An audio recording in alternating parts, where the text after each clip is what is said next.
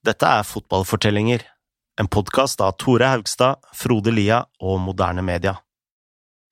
Om du har tatt en god titt på trøyene til Uruguays landslag, vil du merke noe spesielt. På venstre side, like over forbundslogoen, ser du fire stjerner i gull. Den eneste trøyen som har flere stjerner, er den til Brasil, som har fem. Hvert landslag har lov til å ha én stjerne for hver gang de har vunnet VM men Uruguay har vunnet VM i 1930 og 1950. De to andre stjernene er fra en tid da VM ikke fantes. De stammer fra 1920-tallet, da en gruppe amatørspillere steg om bord et dampskip i Montevideo med en reise på tre uker foran seg.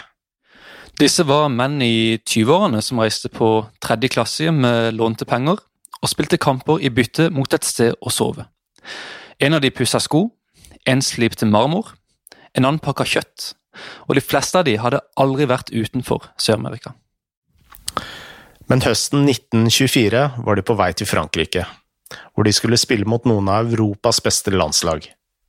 Dette er historien om fotballens første verdensmestere og tiden da OL var VM.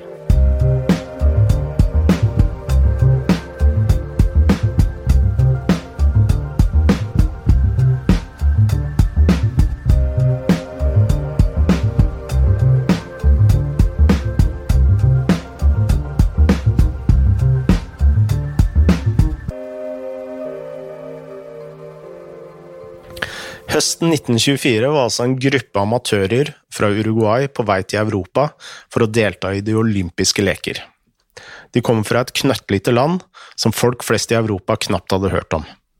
Det var det første landslaget fra Sør-Amerika som skulle spille i Europa. På en måte var denne turneringen en kollisjon mellom to fremmede verdener. Absolutt. Vi vet jo at um, VM ble holdt for første gang i 1930, og at Uruguay vant den turneringa. Og på det tidspunktet så var de jo allerede etablert som verdens beste landslag. Men her i 1924 så var Uruguay helt ukjente. Alle trodde liksom at de beste lagene fantes i Europa. Og dette var jo en tid hvor det ikke fantes TV, hvor radio akkurat hadde begynt å bli populært. Um, ingen, i Europa, ingen i Europa visste liksom helt hva som rørte seg nede i, i Sør-Amerika. Men eh, for å forstå hvor overraskende det var at Uruguay vant i 1924, er det viktig å forstå den konteksten. Fotballen hadde jo først eh, begynt å spre seg internasjonalt helt mot slutten av 1800-tallet. Eh, et par av landene i Europa, og da spesielt England, hadde jo et enormt forsprang. Ja, altså for å si det sånn, Uruguays fotballforbund ble stifta i år 1900. Fotballforbundet til England, som selvfølgelig fant opp fotballen, ble stifta i 1863. England hadde altså et forsprang på 37 år på Uruguay. La oss bare ta kjapt for oss eh, fotballens vekst i denne perioden. Tidenes første landskamp var eh, England mot Skottland i 1872. Tidenes første internasjonale turnering var mellom England, Skottland, Wales og Irland i 1884, og i 1885 ble profesjonalisme innført i England. Ja, fotballen hadde altså allerede vokst så mye i England at spillerne fikk betalt. Um, dette skulle ikke skje i Uruguay før på 30-tallet. Noe som selvfølgelig forklarer hvorfor spillerne som steg om bord på båten i Montevideo på vei til Europa, var amatører. Men la oss se på hvordan fotballen spredde seg fra Storbritannia til Sør-Amerika. Og dette skjedde som sagt mot slutten av 1800-tallet. Og det var vel først i Buenos Aires at eh, spillet ble innført av britene, før det spredde seg til Montevideo. Ja, og så kan vi jo spørre oss altså, hva i alle dager gjorde disse britene i Sør-Amerika på den tida? Um, og For å høre mer om det, så har vi snakka med Daniel Edwards. Han er en veldig veldig dyktig journalist som skriver mye om søramerikansk fotball, og som har bodd i Argentina i mer enn ti år. Vi spurte han om hvorfor fotballen spredde seg så kjapt i Uruguay.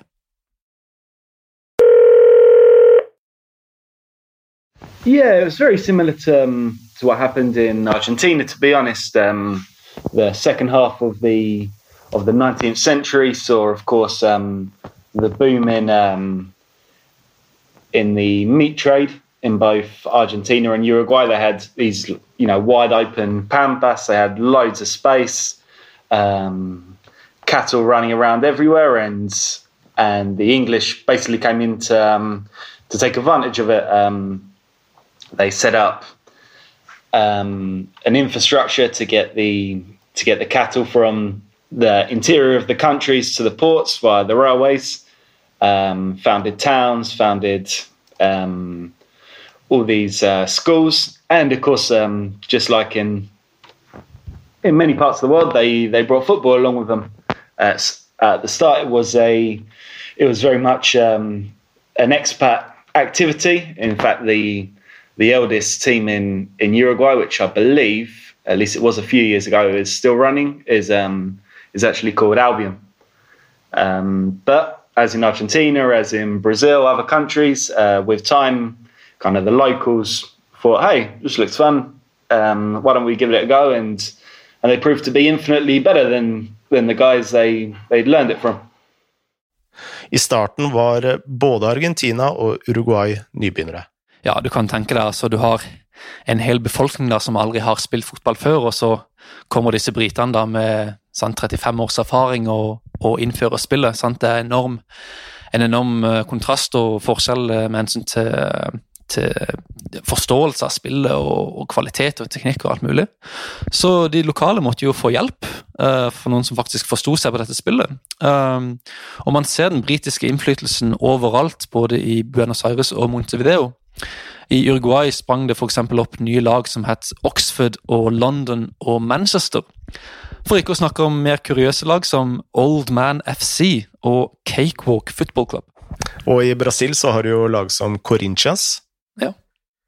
Men uh, vi har jo um, Vi må også legge til altså, Det var britisk innflytelse, men gradvis da så ble fotball mye mer, um, mer og mer um, populært da blant de lokale. Vi vet jo at alle landene i Sør-Amerika er sammensatt av innvandrere fra andre steder. Brasil er f.eks. i stor grad en eh, kombinasjon av afrikanere, portugisere og eh, indianere. Og i Argentina og Uruguay kom de fleste innvandrerne fra Europa, og da spesielt Italia. Ja, du kan jo høre det på navnene til mange av spillerne både da og nå. Vi vet f.eks. at Maradona og Messi f.eks. har italiensk bakgrunn. Uh, mange argentinere har italienske pass.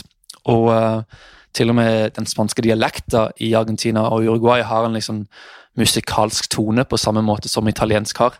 Og i tillegg så er jo pasta en av uh, nasjonalrettene i Uruguay. Uh -huh.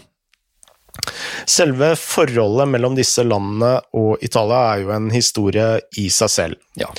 Uansett var disse innvandrerne av uh, ulike klasser. I Bra Brasil var f.eks. fotballen et spill for overklassen helt i starten. Men i Uruguay så var det litt annerledes, for der var fotballen et spill for eh, alle. Ja, de åpna spillet for liksom alle mulige folk. Um, allerede i 1905 så var fotball Uruguays mest populære sport. Og for å høre mer om hvorfor fotballen vokste så kjapt i, i Uruguay, har vi snakka med en fyr som heter Alvaro Perez. Og Alvaro driver en Twitter-konto dedikert til Uruguays fotballhistorie. Han ble født i Uruguay før han dro til Canada da han var elleve år. Eh, og han hadde en onkel da, som fortalte han masse historier om Uruguay sin famøse uh, gylne historie. Uh, og snart ble Alvaro hekta selv på dette, og han begynte å samle sammen bøker og DVD-er og osv. Vi har vært så heldige som har hatt en så kunnskapsrik guide med oss gjennom denne sesongen. Så la oss høre fra Alvaro om hvorfor fotballen ble en sport for alle klasser i Uruguay.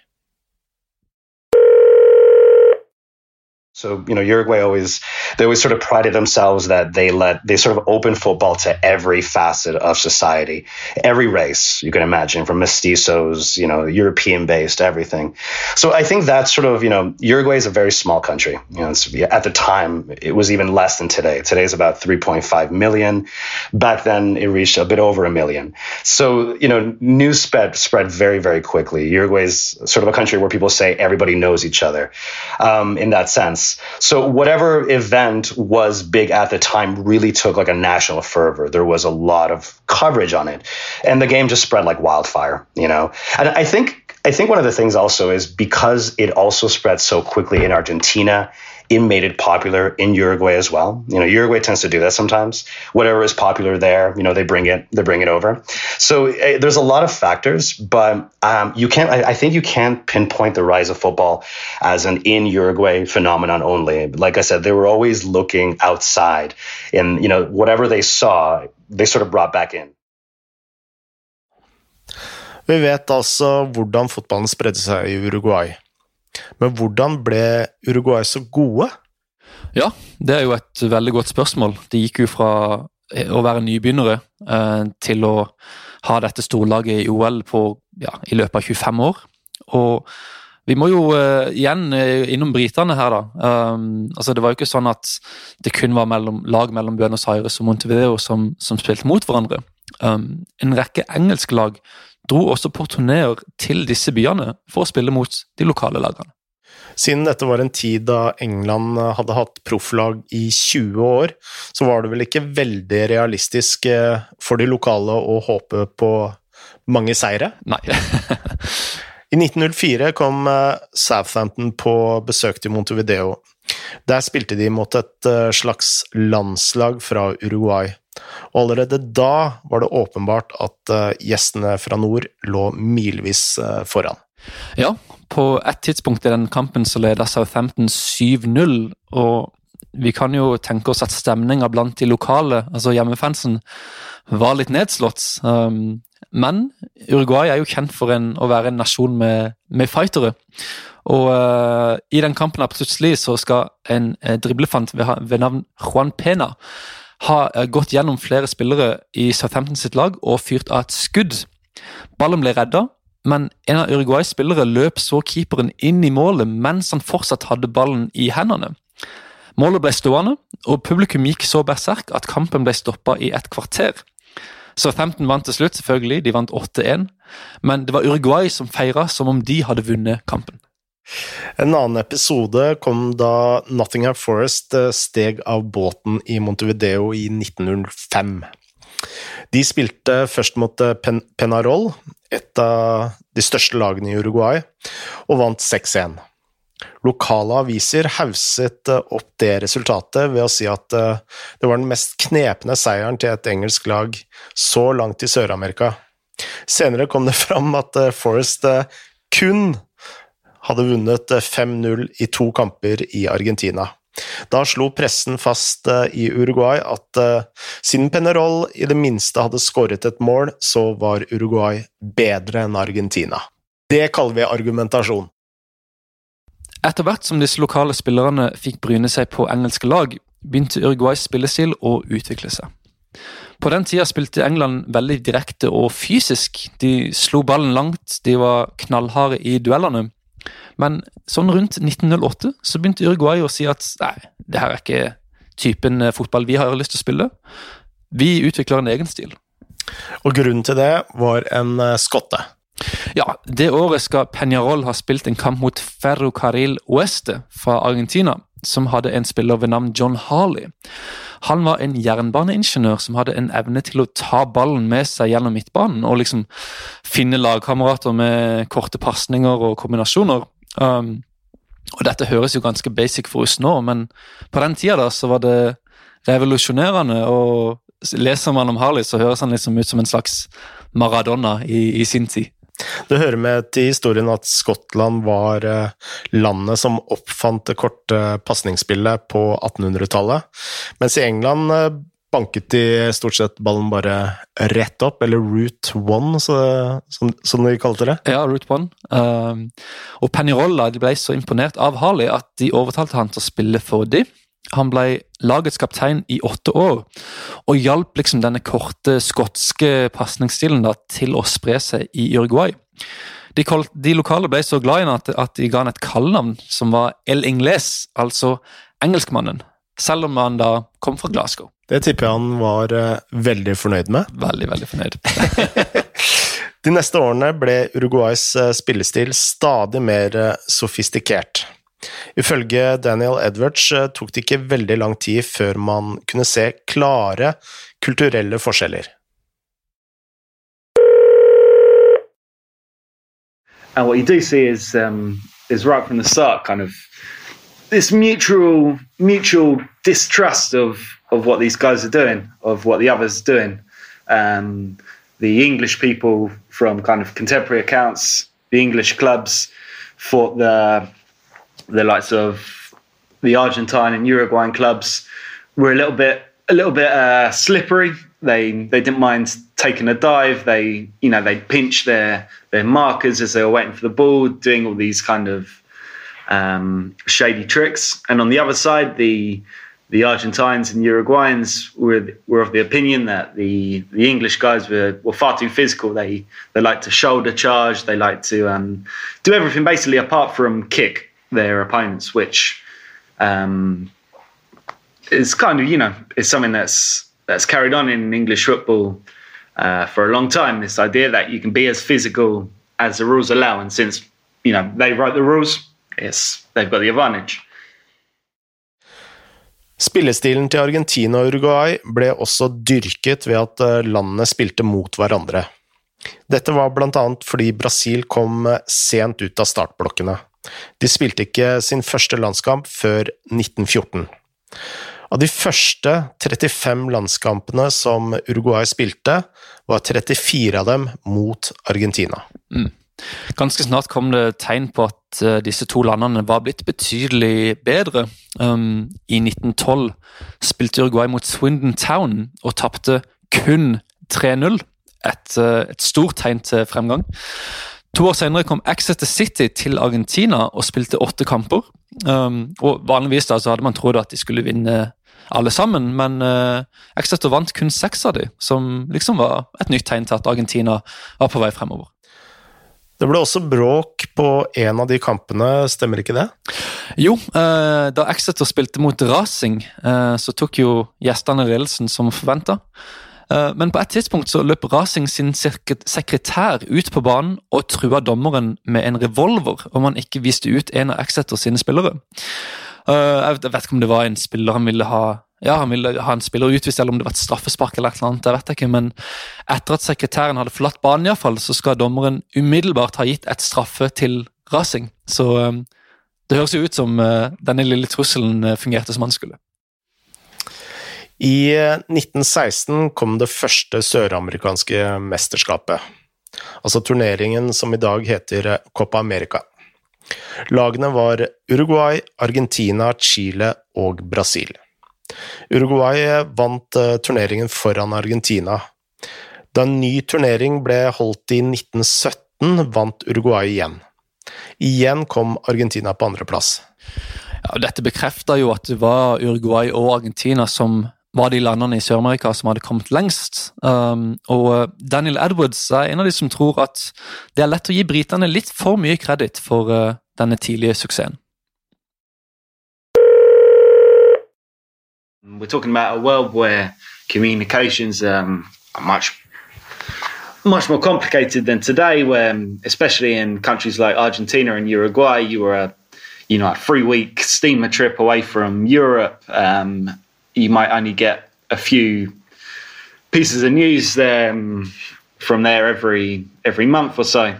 Um, so I think what what kind of really makes uh, Uruguay and Argentine football special is the fact that in in a strong sense, it, it went its own way. It it kind of created its own its own approach, its own kind of unofficial rules, its own way of playing it, and and it's something that's really really stuck with the with the sport. Ar- Argentines like to call it la nuestra, this idea which um, which kind of still lingers on today that the ball is king. You have to treat it right. You've got to dribble.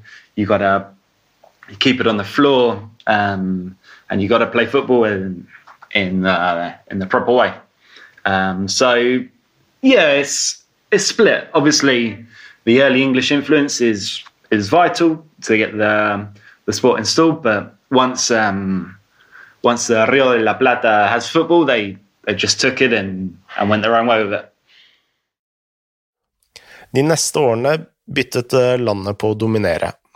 Argentina ble mestere i 1921, Brasil i 1922, før eh, Uruguay slo tilbake og vant i 1923.